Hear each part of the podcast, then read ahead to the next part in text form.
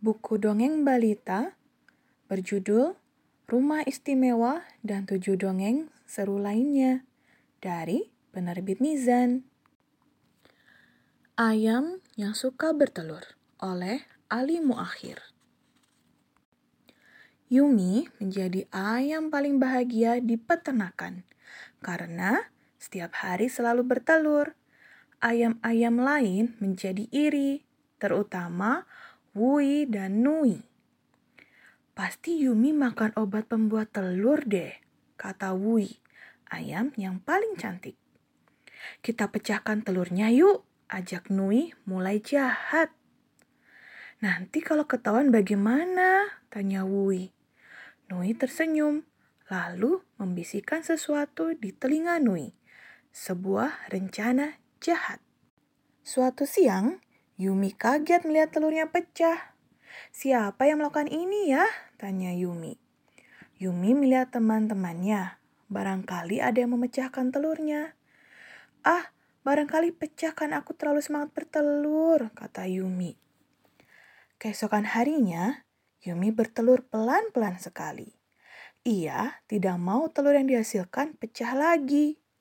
Akan tetapi, apa yang terjadi? Ternyata telurnya lagi-lagi pecah. Yumi keluar kandang, lalu melihat tempat jatuhnya telur. Ternyata di ujung tempat jatuhnya telur ada paku. Buru-buru Yumi mencabut paku tersebut. Wih, sekarang sudah aman, kata Yumi. Besok telurku pasti tidak pecah. Akan tetapi, apa yang terjadi keesokan harinya? Lagi-lagi telurnya pecah. Setelah dilihat, ternyata ada paku lagi di tempat jatuhnya telur. Yumi mulai curiga.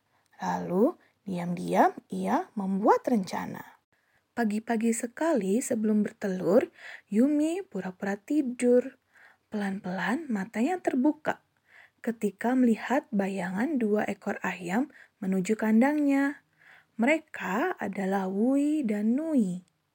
Hati-hati, bisik Wui.